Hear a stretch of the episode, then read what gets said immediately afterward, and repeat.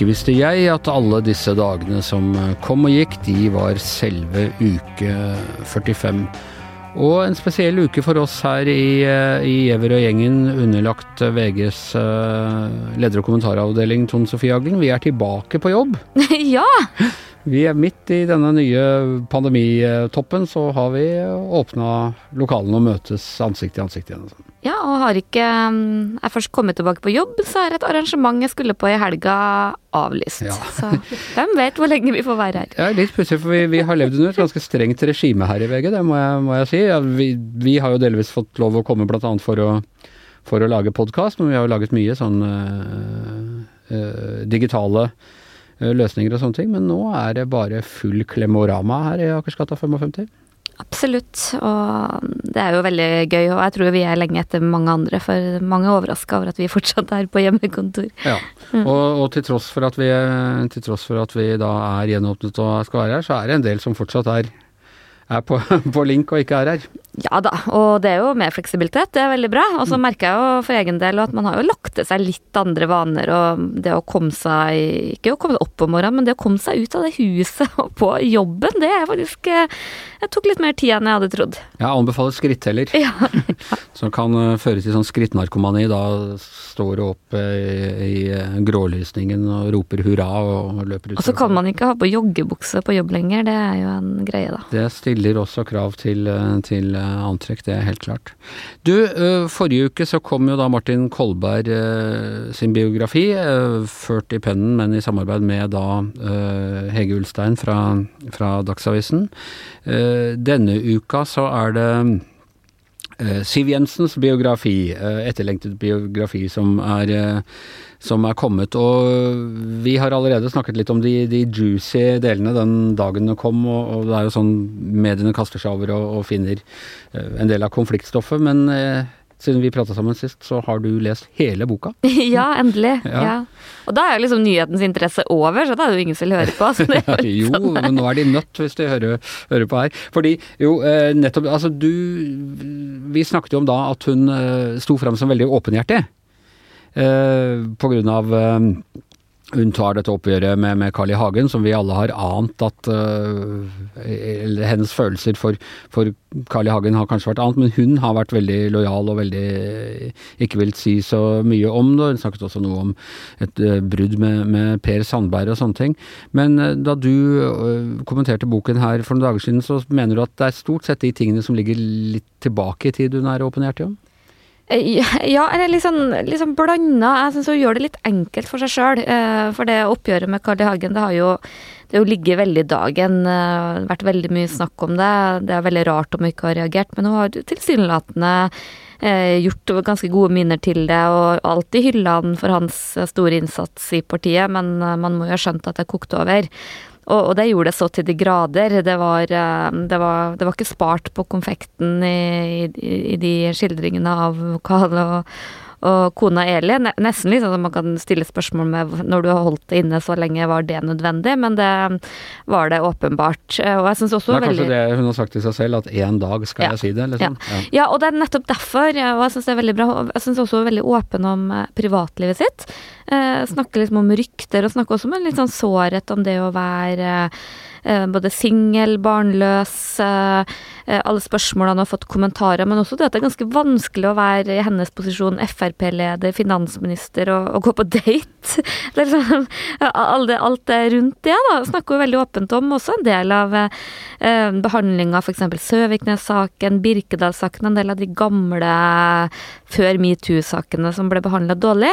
Men jeg syns en del av de nyere forholdene syns jeg hun er eh, det er mulig at hun mener det, men det framstår for meg veldig sånn glansbildeaktig og skjønnmalende og pludrete. Hva tenker du på da, først og fremst? Nei, det har jo vært eh, På metoo, og så har det jo vært ganske mye eh, nyere saker i Frp som hun ikke problematisere, hvor partiet har fått eh, kritikk for en del kultur.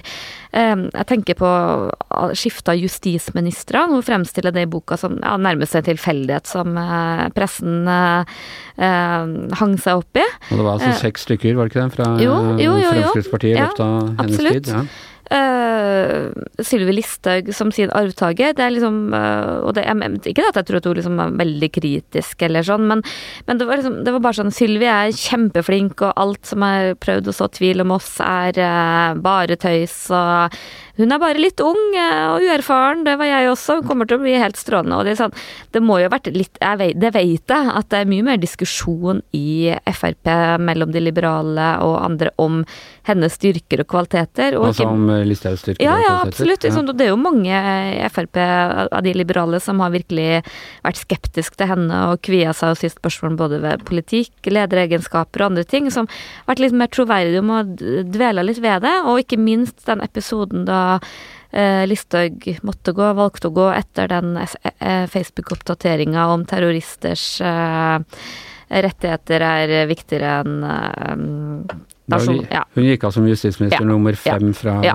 fra Fremskrittspartiet. Og, og også hele den episoden hvordan hun beskriver det, var liksom bare Sylvi måtte bare tenke seg om og gjorde det som var riktig å gjøre, og det ble liksom overspilt fra opposisjonen og media. Det, jeg syns det var lite reflektert og dybde i det mot uh, den åpenheten hun viser i en del andre saker, så det forteller meg at hun uh, Men er, er, er dette noe av problemet? Altså Før i tiden, jeg husker jeg vokste opp, så var det sånn Einar Gerhardsen etter å ha vært pensjonist noen år, så kommer første bind av Samhold og motgang. Og han ser tilbake, og han har fordøyet alt. Han har eh, vært ute av politikken i, i, flere år. Han ser bakover, og så kommer Håkon Lie flere år etter å være Og at man ventet i flere år.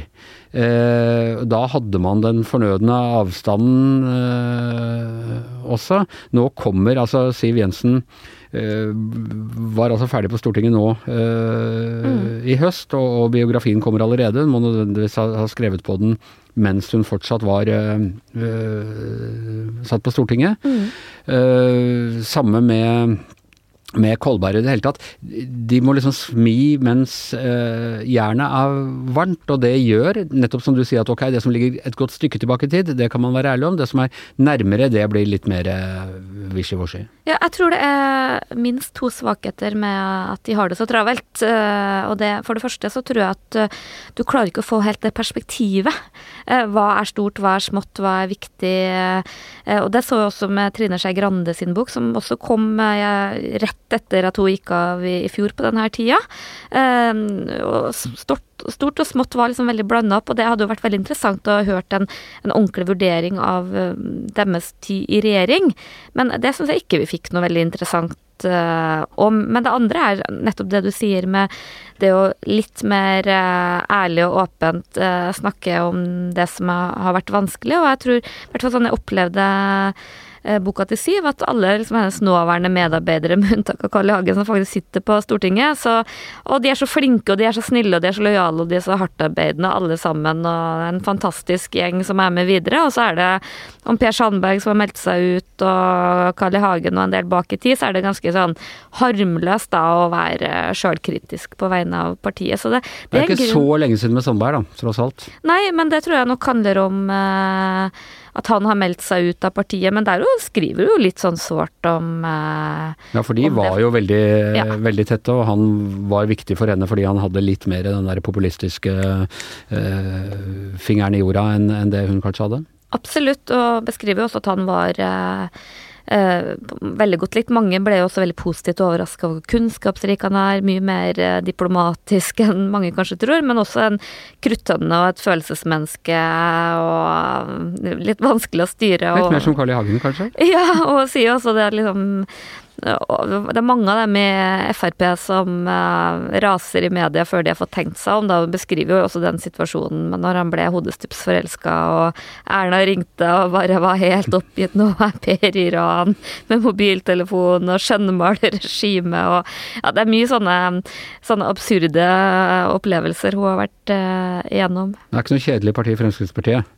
Det må man kunne si. Nei, absolutt ikke. Og det er jo en, det er jo en orgie av sånne historier, og du blir jo liksom Å ja, hva det skjedde? Oi, hva noe med han? Ja, det, det, har vært veldig mye jeg sa på et tidspunkt jeg så vel Fremskrittspartiet også bli strømlinjeformet og sånn. Det, det, har ikke helt skjedd. Du, en annen selvbiograf eh, som du har lest, det er Olaug Bollestad. Ja. Eh, noe mer tilbake i tid, dette, men også må man si i høyeste grad en selvbiografi før den politiske karrieren er helt over? Tvert imot kan det se ut som den nærmest begynner for alvor nå?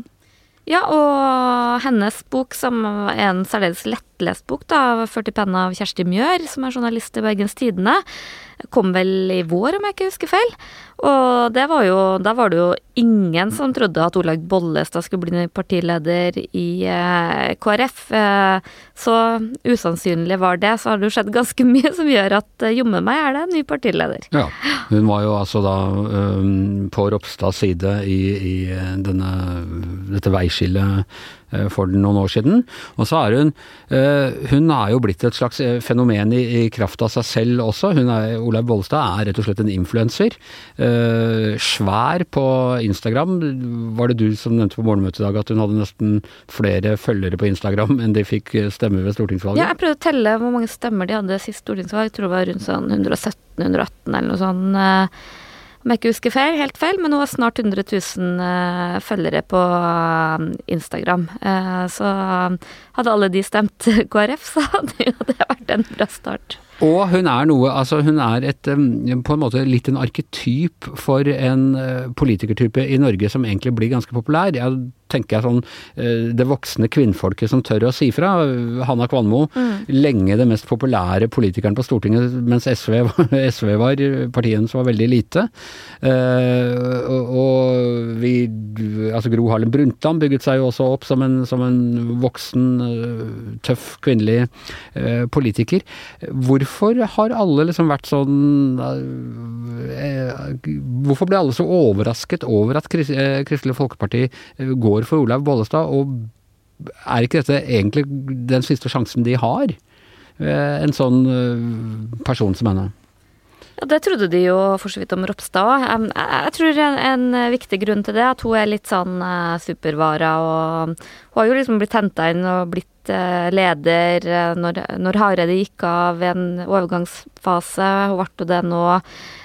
Og det var jo Dag Inge Ulstein man uh, pekte på inntil han trakk seg. Og jeg tror Eh, jeg tror ikke det nødvendigvis handler om alder, men eh, med henne så vet du vet veldig godt hva du får. Du, hun er ei grepa dame, ikke veldig strømlinjeforma, og jeg tror nok at det er litt en sånn Man tror at f.eks. i Ulstein og Ropstad er mer sånn potensial til å forme en sånn litt mer sånn mediedreven eh, politiker, men det kan godt være at, at Bollestad vil lykkes. Hun er hun, ligner jo mye mer på KrF sine kjernevelgere enn det de gjør. Hun ja, er en sjarmerende utgave av uh, KrFs kjernevelgere. Absolutt. Hun er uh, utrolig sånn varm, raus person. Veldig lett å like. Jeg anbefaler egentlig alle å lese den boka om. og fortelle veldig åpent om oppveksten sin med en psykisk syk mor. Veldig sånn mor godhjerta-type som inviterer alle inn, og liksom, sånn tilfeldig kommer inn i politikken og driver sykehusopprør og gjør veldig mye eh, rart. Spørsmålet da er jo liksom Er hun strategisk nok? Er hun politisk nok? Eh, hvordan vil hun fungere i, i sånne store TV- og radiodebatter? Jeg må jo innrømme at jeg syns jo ikke var ikke veldig imponert over henne før når jeg bare hørte henne i Dagsnytt 18, men når jeg først så hvordan hun framsto i interne partisammenhenger, det er jo nesten som en sånn vekkelsespredikant. Så hun har litt sånn andre egenskaper enn det man eh, man tenker på som eh, en, en sånn moderne mediepolitiker i dag trenger, da. Ja, vi har hatt henne i studio her, og jeg ja. må si jeg har sjelden vært borti en person som kan gå så raskt fra humor til alvor, ja. og eh, nesten sånn balanserende på oi, det, det gikk kjapt, men allikevel, hun, hun turnerer eh, begge, begge de delene, og det kan jo være en veldig styrke når du skal opptre i politikken. Ja, det er vanskelig å si. Så vet du jo at uh, tradisjonelt så om man har populære partiledere, så, eller om de er morsomme og sånn. Det var jo Hareide òg, var jo veldig morsom og godt likt. Og han ble jo egentlig litt sånn populær på liksom, være litt kulere enn partiet sitt. Ja, ja, ja, sånn, jeg er ikke så kristen og også, en, sånn. også en veldig velkommen podkastgjest her. Så. Og det er jo ikke noe sammenheng mellom det og at du liker partiet. Altså, du må jo også evne å være strategisk bruke kreftene der partiet har et potensial. Og det er kanskje der man er litt mer tvilende. Det sier jo bare litt eh, sånn under retningsvalget så var hun jo blå. Men alle de som kjente henne, og det var masse sånn Høyre-strateger som har sittet med sånn Excel-ark og laga sånn Prøvd å kartlagt hvor folk kom. Alle hadde putta henne på rød, og de holdt på å dette ned fra månen når de liksom skjønte at hun var på blå side. For hun framsto ikke som en sånn borgerlig blå KrF-er, virkelig ikke. Det er liksom kanskje litt vanskelig å definere politisk òg. Du, en som eh, Vedum, har anskrevet noe selvbiografi ennå? Uh, ja, han skrev jo bok sammen med Jan Bøhler. Ja, det var vel ikke en men det var ikke, det var ikke selvbiografi, men mer sånn politisk Nei. manifest. Men, jeg skjønner hvor du skal. Ja, fordi, fordi, mange undervurderte han eh, Ja. da han overtok Senterpartiet. Og det har jo vært en suksesshistorie av en annen verden. Ja, og det hørte jeg jo at det var vel Vebjørn Selbekk som eh, sa at Bollestad vil bli en overgangsfigur, både med alder og, og rolle og sånn, og det trodde vi jo så godt som alle om Trygve Slagsvold Vedum.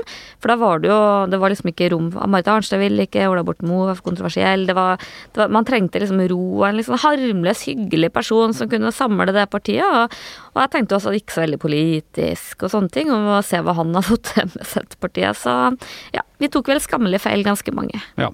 Så om eh, en tid så kan vi regne med da en koalisjonsregjering med enten Høyre KrF eller Arbeiderpartiet KrF, hvor eh, de er omtrent likeverdige partnere. Kanskje er Bollestad den nye Angela Merkel i Norge. Ikke sant. Det hadde vært fantastisk. Og hvor hørte du den spådommen først?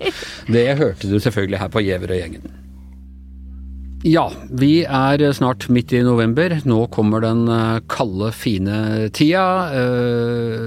Snart tid for vinteridrett igjen. Og det slo meg her, Leif Welhaven, at eh, det er ikke så mange år siden eh, det var helt på trappene å få OL hit til Oslo i eh, 2022. Husker du hvordan det gikk med den saken? Ja, den eh, strandet jo på det tidspunktet hvor eh, det var vel Erna Solberg som eh, kom med en eh, såpass, et såpass tydelig hint at hele prosjektet ble parkert. Og det som vel utløste det Det hadde vært mye motstand, men det som vel utløste det, var da det ble offentlig kjent, denne såkalte raideren til Den internasjonale olympiske komité. Altså hva pampeveldet De skulle ha krevde. heiser til Mercedesene sine og sånn, var det var noe champagneparty med kongen, og det var, det var liksom ikke Det var, det, var mye. men dette kom jo også i i kjølvannet av at det hadde vært en uh, tapt kamp i Tromsø. Det var mye interne konflikter mellom ulike landsdeler, og det var vel egentlig et prosjekt man aldri helt klarte å selge. Klarte, man klarte aldri liksom å fortelle historien med entusiasme om hvorfor så mye penger skulle brukes på en uh, idrettsfest som varer i to og en halv uke, og, og, så, og så er det over. Så, så, så det var vel et veldig dårlig fundamentert prosjekt på veldig mange måneder, og som, som da rant ut i ingenting. Og nå skal vi altså konkurrere helt andre steder enn i Oslo. Ja, Det som slo meg, som jo er litt paradokset, vi er det rikeste landet i verden. Eh, Vi er vel det landet i verden hvor man er mest opptatt av vinteridrett. Men vi vil ikke ha det. Eh, Er det noe annet enn diktaturer som kan uh, arrangere sånne vinterleker nå? Eller uh, olympiske leker i det hele tatt? Altså, De har jo hatt veldig store problemer med å skaffe arrangører. Det er, det er mange byer i mange land som har hatt potensielle OL-prosjekter eh, som har trukket seg. Og dette er vel også en av grunnene til at uh, man nå legger om veldig mye hva gjelder eh, søknadsprosessene, krav til nybygging av anlegg og den type ting. Altså et håp om å skalere De sier det i hvert fall, at eh, de skal skalere det ned og gjøre det enklere og rimeligere å arrangere OL i fremtiden. Og prøver å selge seg inn på, den måten. Eh, og så ble altså da The decision was eh, China, som altså da skal ha vinterlekene til neste år. Og nå begynner man å snakke om, Per Olav Ødegaard, at det kanskje ikke blir noe av? Jo, jeg tror eh, helt sikkert at det kommer til å bli avviklet. Altså, det blir arrangert. Det tror jeg. Ja. Men det blir veldig, under veldig strenge eh, begrensninger og veldig strenge mm, smitteverntiltak, først og fremst. Eh, Det er ingen vei tilbake til i forhold til å arrangere mesterskapet. Det er kommet så langt. Men når man tenkte på at liksom Tokyo, hvor Leif var, var en, foregikk i en boble, så tror jeg ikke kommer til å være noe mesterskap som kommer til å være i nærheten av de samme tiltakene som vi vil se i Beijing i februar. Det var snakk om, eh, snakk om at det kunne være sånn 14 dagers karantene for eh, både deltakere og medier som skal dekke det og i det hele tatt. Altså, vi venter jo på å få det endelige svaret, men det man i hvert fall da håper på det legges opp til nå, er at, vi, at, at denne bobletilværelsen altså kan erstatte den karantenen som gjelder for, øh, for andre folk, og at du da lever om mulig enda mer avsondret enn det vi gjorde i Tokyo. Det snakkes om daglige covid-tester, at det er kun én flyplass du har lov til uh, å lande på. Du sluses inn og, og, og, fraktes eh, fra A til B og ellers oppholder deg på veldig begrensede områder, så er jo da tanken at dere, du skal ha ett sivilsamfunn og ett OL-samfunn, og at de ikke skal ha noen kontakt med hverandre. Kunne du ikke da like godt sitte her og, og dekke av hele greia? Det er likevel noe Jeg opplevde det i Tokyo. Det er likevel noe med å være til stede der det skjer. Eh, du har selvfølgelig kolleger du, du, du kan snakke med. Du får en annen opplevelse, en annen mulighet til å skildre noe. Kollegene kan du snakke med her hjemme. Vi, vi er her, vi, Leif. Bare ja, kom innom. Det er, folk fra en del andre land også. Eh, så jeg opplevde i hvert fall Jeg var nesten overrasket i Tokyo. Altså hvor mye jeg følte at jeg fikk utbytte av eh, å være der, selv om det ikke var tilskuere, og selv om det var annerledes enn alle andre. mest mesterskapet du, du, har vært i. Så det er, klart, det, er, det er mye som er praktisk kronglete, men fortsatt har det en verdi å oppleve sport der det skjer. Altså, Det er jo flere fordeler ved å operere i et diktatur. Man kan da arrangere OL når man har lyst, og slipper å ta hensyn til opposisjon og alt mulig sånn. Uh, og så kan man få kontroll på pandemier ganske raskt. Kina, det var der pandemien starta for, uh, for, to år siden nå. De fikk det raskt under kontroll ved helt sånne drakoniske tiltak. Og nå er det færre smitta i hele Kina enn det er i Norge omtrent, har jeg inntrykk av. Det er sikkert en overdrivelse. Men uh, men Per Olav, er de ikke redd for å åpne portene for å få dette viruset i eh, retur? Jo, eh, så derfor så har jo Kina på en måte stengt seg inne. Det er eh, vanskelig å få Enda vanskeligere enn før å få visum dit. Og hvis du får det nå utenom OL, da, så, så, må du sitte i streng karantene i hvert fall i to uker. Um, og det er, det er, lite reisevirksomhet mellom Kina og omverdenen. Og president eh, Xi Jinping han har jo ikke reist engang ut av Kina uh, siden koronaen kom. Men når vi snakker om dette, Anders, så er det lett å glemme at Kina var i ferd med å miste kontrollen, eller miste kontrollen i den første fasen av dette her. Det, det, var en periode der i vinteren, eh, altså 2019-2020, hvor smitten spredte seg ukontrollert. Hvor lokale partifolk i Wuhan, som var episenteret, eh, ikke meldte fra til sentralt hold. Sånn er det den type systemer. Det er veldig lite populært å komme med dårlige meldinger til eh, sentralkomiteen. Eh, så de prøvde å rydde opp på e-, egen hånd. og Den måten de gjorde det på, var at de kneblet de som fortalte at her har vi et problem. Eh, de fikk beskjed om at dette er lov, du skal ikke spre rykter, og du bryter loven. Eh, og de har straffet og, og fengslet journalister som, som, faktisk våget å rapportere om det. det. Men når de først handlet, Eh, så handlet det jo veldig eh, besluttsomt og med tiltak som ikke ville være mulig i samfunn som vårt. da. Men tiltak som ikke er mulig i samfunnet som vårt, hva tror dere, vil vi noen gang få vinter-OL i det vi regner som et vanlig demokrati igjen, eller vil det bare være diktaturene som tar det? Jeg tror at vi kommer til å få, jeg tror vi kommer til å få det i Norge igjen. Og, men det er mulig at vi kommer til å få, få et litt annerledes type OL eh, enn det vi er vant til. Og det vil vel eh, i tilfelle være sunt. For det går jo an å stille spørsmålet hvorfor du skal ha mesterskap hvor man konkurrerer i alt på likt, som altså blir så stort, som alltid sprekker økonomisk, og hvor uh, altså, historikken tilsier at sirkus reiser videre, og så sitter vertslandet igjen med ettervirkninger som uh, ofte ikke er, er, så veldig positive. Så jeg håper og tror at Vi har jo den der eh, mini-putt-byen mini oppe på Lillehammer, da. Jeg var innom der for et par år siden. Riktig fin, den. Altså, den OL på Lillehammer er vel kanskje litt, på noen måter i hvert fall, unntaket som bekrefter regelen. Som på veldig mange måter var vellykket. Eh, jeg får bare håpe og tro at det er realitet at IOC har innsett at de er nødt til å forandre konseptet dersom det skal være bare bærekraftig i fremtiden, slik at det er mulig å skalere det ned. Eh, at flere kan, flere kan, ha, kan ha råd til det, at det blir litt mer nøkternt. Og, og, da tror jeg også at det vil bli enklere å selge det inn til eh, samfunn med andre typer systemer enn det man har i Kina. Er du enig i det, Per Olav? Ja, så Det var jo ulike oppfatninger også på denne avdelingen når dette her var en helt het politisk sak. Jeg var jo av de som alltid jeg, jeg, håpet at vi skulle søke og at vi skulle få OL igjen. Nettopp fordi at jeg syns Lillehammer var et veldig godt eksempel. Og jeg mente at det ville være, ligge til rette for at man kunne bruke mange av de samme anleggene som vi brukte den gang. Og Lillehammer 94 var en stor begivenhet og var en suksess på veldig mange måter. Eh, og jeg så det at, og, og at at demokratiske land må kunne ha den type arrangementer, mener jeg er svært viktig. Og nå ble det altså i stedet Beijing, hvor det eh, disse skiøvelsene som vi kanskje er mest opptatt av, de skal jo foregå et annet sted enn akkurat i Beijing, men oppe i fjellene der. Men det er jo ikke snø. Nei. Og Men det fikser kineserne, vet du, for de har jo kon kontroll over værmaskiner og sånt. de har så- kontroll overalt. Og, så, og du var inne på det i stad. Huawei bare trykker på noen knapper, og så blir det snø. Eh, Kontroll har de, og det er faktisk ikke noen overdrivelse når du i stad sa at de har lavere smittetall enn oss. Det har de. Ja. de.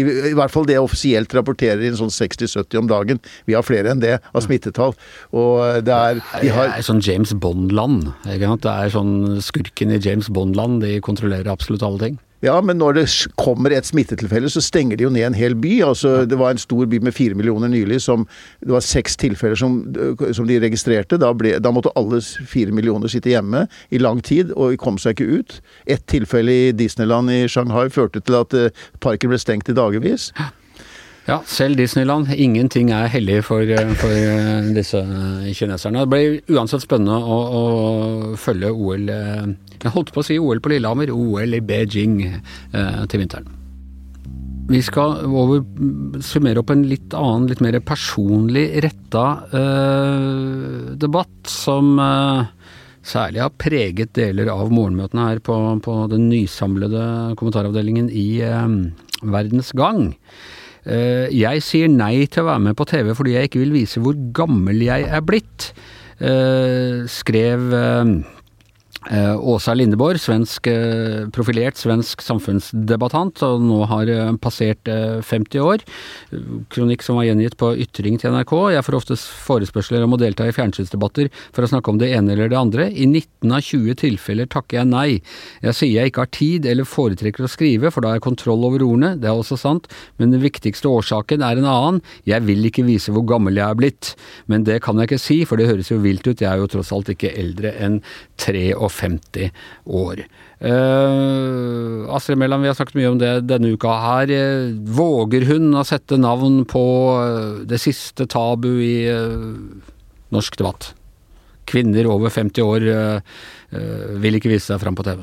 Nei, det her er jo sikkert eh, ikke så veldig mange kvinner over 50 år som får det spørsmålet. Det er vel bare noen få som jobber i media, i kultureliten, så jeg vet ikke hvor stor overføringsverdi det har. Å, jeg, blir, jeg vil bli spurt om jeg får på TV, men jeg vil ikke, liksom. Det er jo ingen andre som får det spørsmålet, nesten. Og så syns jeg at hun burde svart ja. Hun kan på TV, sjøl om hun er 53 år. Og det, og det har hun vel stort sett gjort, jeg har sett henne mye på TV, har jeg inntrykk av. Jeg har òg sett henne på, på TV. Syns Åsa Lindeborg er en kjempegod forfatter. Kjempespennende skribent og morsom eh, å både lese og høre, så jeg skjønner ingenting av at ikke hun eh, vil på TV. Altså, det, ingen av oss er vel på TV for at vi er så utrolig pene, vi er vel på TV for at vi skal si noe vettugt om eh, samfunnsutviklinga, om eh, politikken. For å si det sånn, en grunn til at jeg velger å uttrykke meg mest på podkast. Kan begynne med videopodkast. Det er, det er faktisk snakk om, de driver og, og monterer kameraer her, det er slutt for oss over 53. Nei da. Uh, uh, men hun fikk jo ganske kraftfullt svar eh, fra Uh, Ingeborg Moreus Hansen, uh, tidligere kinosjef i Oslo, samfunnsengasjert enkefrue, som hun eh, titulerer seg fram, og hun mener at dette bare er eh, det rene koketteri. Ja, jeg tror kanskje det var du, Anders, som sa det først. Det, det eh, er litt sånn som eh, når unger sier sånn 'Nei, kom og se på den stygge tegninga mi!' Og jeg, jeg begynte å tenke litt på to venninner i et prøverom der den ene er tjukk og den andre er tynn, og så klager den tynne for at ikke hun får på seg buksa. Det er jo litt sånn Ingeborg Moreus Hansen som er helt eh, fantastisk nydelig og en god skribent, skal liksom høre Hun er over 80 år, skal få høre fra Åsa Lindeborg at Åsa Lindeborg ikke har den på TV, som er 53 år. Det er jo liksom noe med å tenke litt på hva du tråkka ut av salater. Men så framstilles selvfølgelig Lindeborg her som en modig um, bekjennelse. Tanker som hun egentlig ikke skulle hatt. og det handla jo om at hun burde jo som feminist ikke tenkt sånne tanker, at det er feil å tenke slik. at Hun skulle selvfølgelig vært på TV, og hun er enig i det sjøl. I en tid hvor det er så mye influensere med innsunkne kinn og trutmunn eh, som tar selfier opp i kamera og eh, dominerer på en måte eh, i veldig stor grad eh, den offentlige samtalen eh, på mange måter. Er det så rart at en del kvinner kan da liksom føle at dette idealet lever jeg ikke opp til, og, jeg skulle ønske det ikke var sånn, selvfølgelig, men, men, eh, men eh, at dette eh, skaper en slags sånn uh, uuttalt krav til hvordan man skal se ut og være? Ja, altså tenker jeg at det er mange, både kvinner og menn, som, som, som sliter med de tankene. Men det er ikke sikkert at det, at det egner seg på trykk. Da. Jeg tenkte litt på det når jeg så um, Alene hjemme, den der 90-tallsfilmen, så den sist jul. Um, det er stor forskjell på, på kravet, ut, utseendekravet. For 20 eh, år siden så var liksom ikke skuespillerne perfekte engang. Var litt skeive tenner og litt eh, kvisete og litt buskete øyebryn, og nå er jo alt bare helt perfekt. Og et eh, mål å nå opp mot som er helt u, u, umulig. Ja. 'Alene hjemme' det er altså en uh, filmklassiker om en liten gutt som torturerer to vaneforbrytere før jul. Men men det var vel ikke så veldig mye kvinner med, kvinner med der heller, Astrid. Det er mer, vi menn får litt mer slag for å være gamle og stygge. Det er noen krav til utseendet blitt mye strengere, da. Så hun er, hun er jo inne på det, men, men hvorfor i all verden skal også Lindeborg fortelle oss om sine innerste følelser? Vi sliter med mange sånne følelser, mange av oss, men det, det går jo an å kanskje holde dem inni seg av og til. og Trenger ikke å drive og problematisere og se innover i seg sjøl hele tida og snakke om de feile følelsene vi har hele tida. Sånn er det jo, men jeg vet ikke om den debatten er så mye nå peker Anders på en uh, middelaldrende kvinne i rommet her. Jeg oppfatter slik at den uh, unge kvinnen ba om ordet. ja.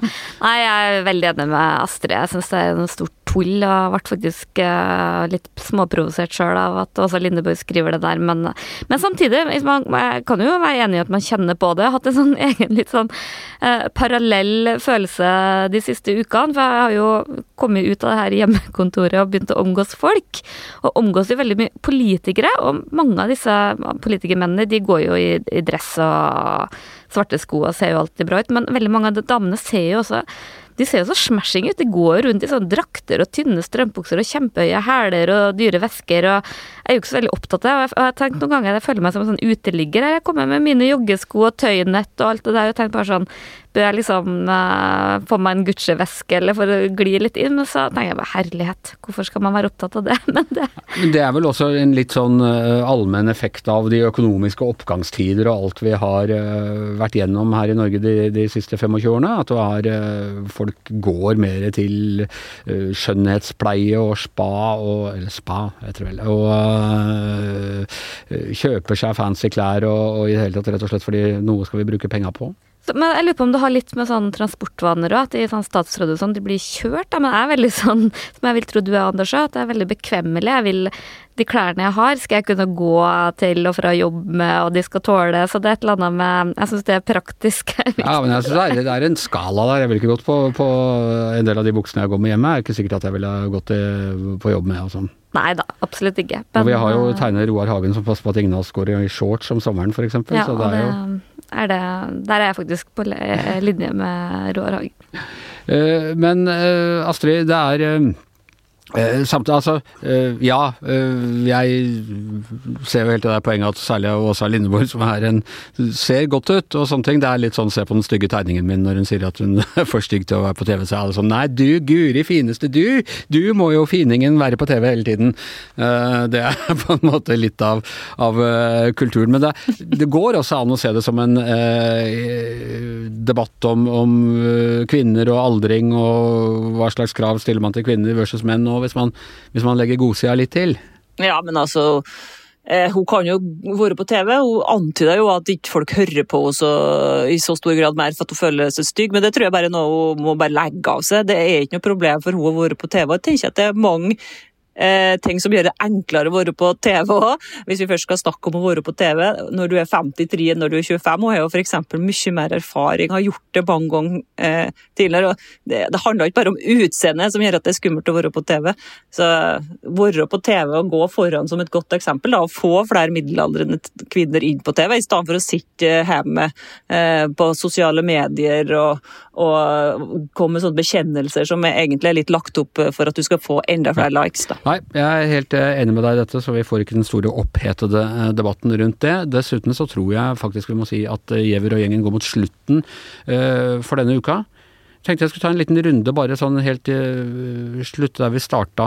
Uh, er, har dere noen tips til uh, biografier å, å, lese i helgen? Har...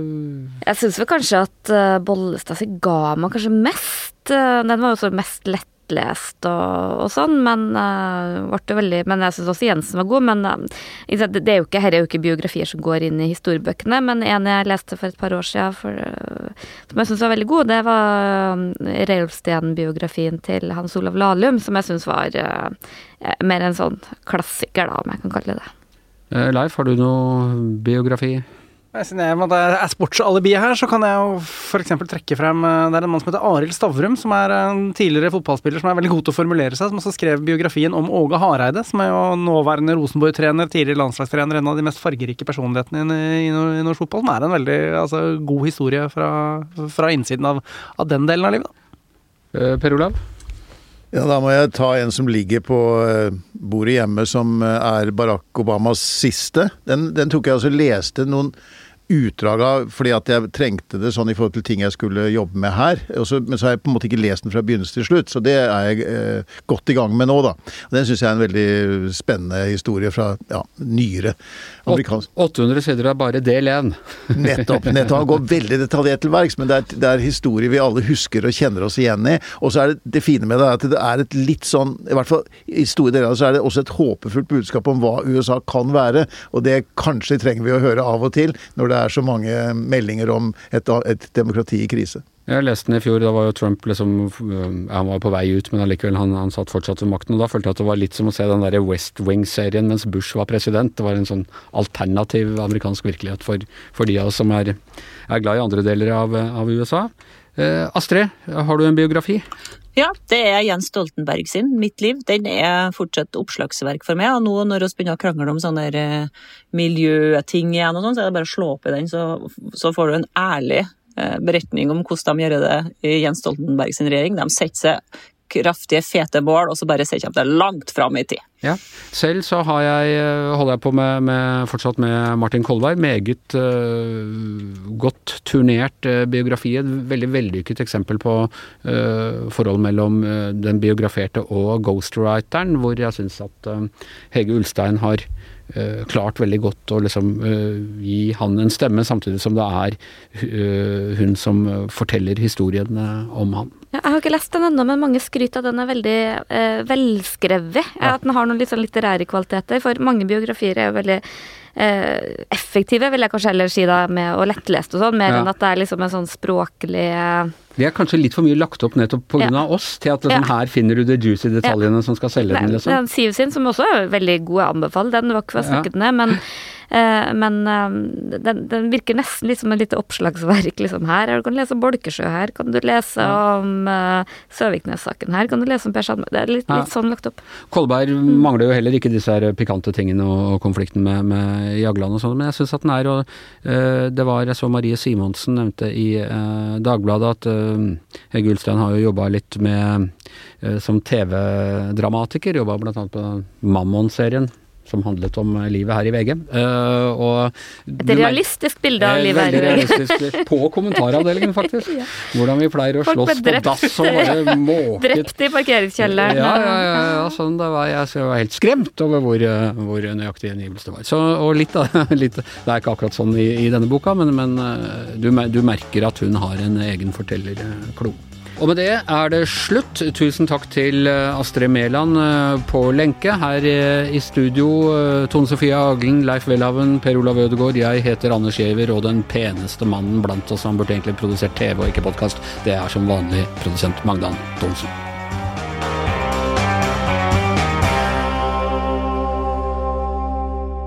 Du har hørt en podkast fra VG.